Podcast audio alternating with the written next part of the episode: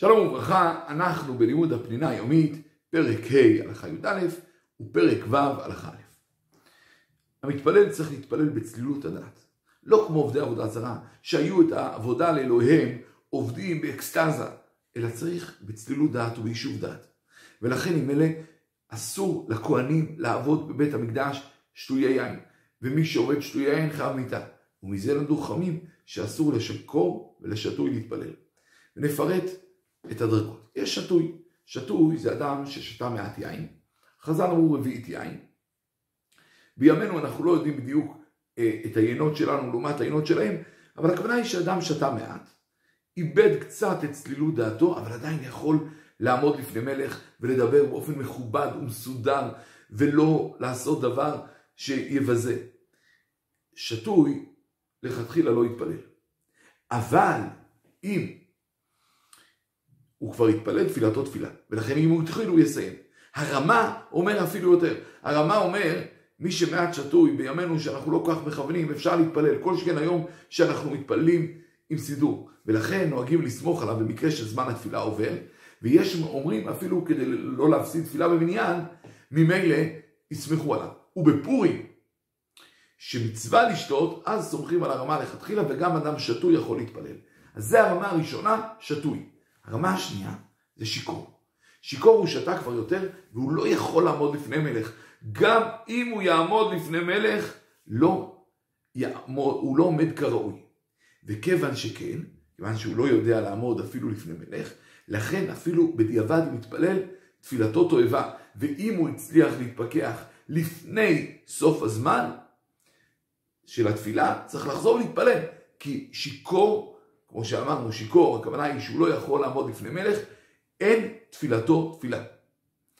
לגבי קריאת שמע וברכותיה נחלקו, ולכן לכתחילה לא יתפלל, ואם הזמן עובר, אז ממילא שתוי יכול להתפלל, ושיכור לא יגיד, אלא רק יגיד בלי הברכות.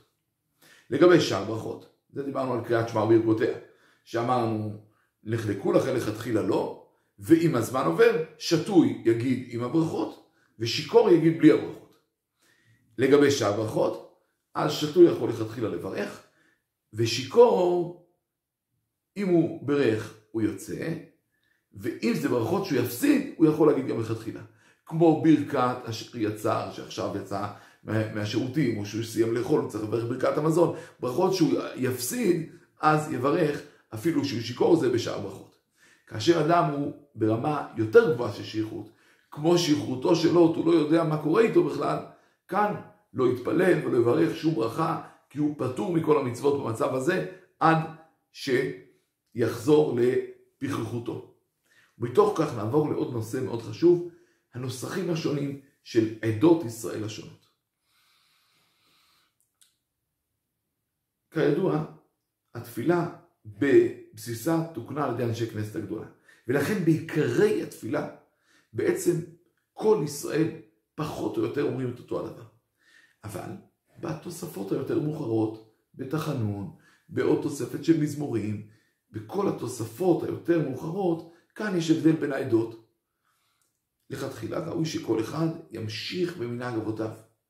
אמר הארי הקדוש שבשמיים יש 12 חלונות.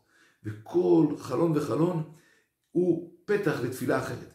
ולכן עם אלה, כל אחד ימשיך במנהגו, כי לכל מנהג ומנהג ולכל נוסח ונוסח יש מקום, וכולם יפים ואהובים ומקובלים בפני הקדוש ברוך הוא. לא רק בנוסח, אלא גם במנהגי ההגייה. יש עדות שנוהגות להגות בצורה מסוימת את הגימל, ואת הזין, ואת הקוף, ויש כאלה שקוראים את קמץ, כאו, ויש כאה, וכל אחד ימשיך במנהגו על פי מנהג ההגייה שלו, אלא שאם ישתרש כבר איזשהו הגייה, למרות שזה לא הגייה על פי המנהג, יכול להמשיך כפי שהתרגל ולא לשנות כאשר זה קשה לו לשנות כי הוא כבר התרגל להגות באופן מסוים. ונסיים בשאלה, אדם שהוא שתוי, לא שיכור, שתוי.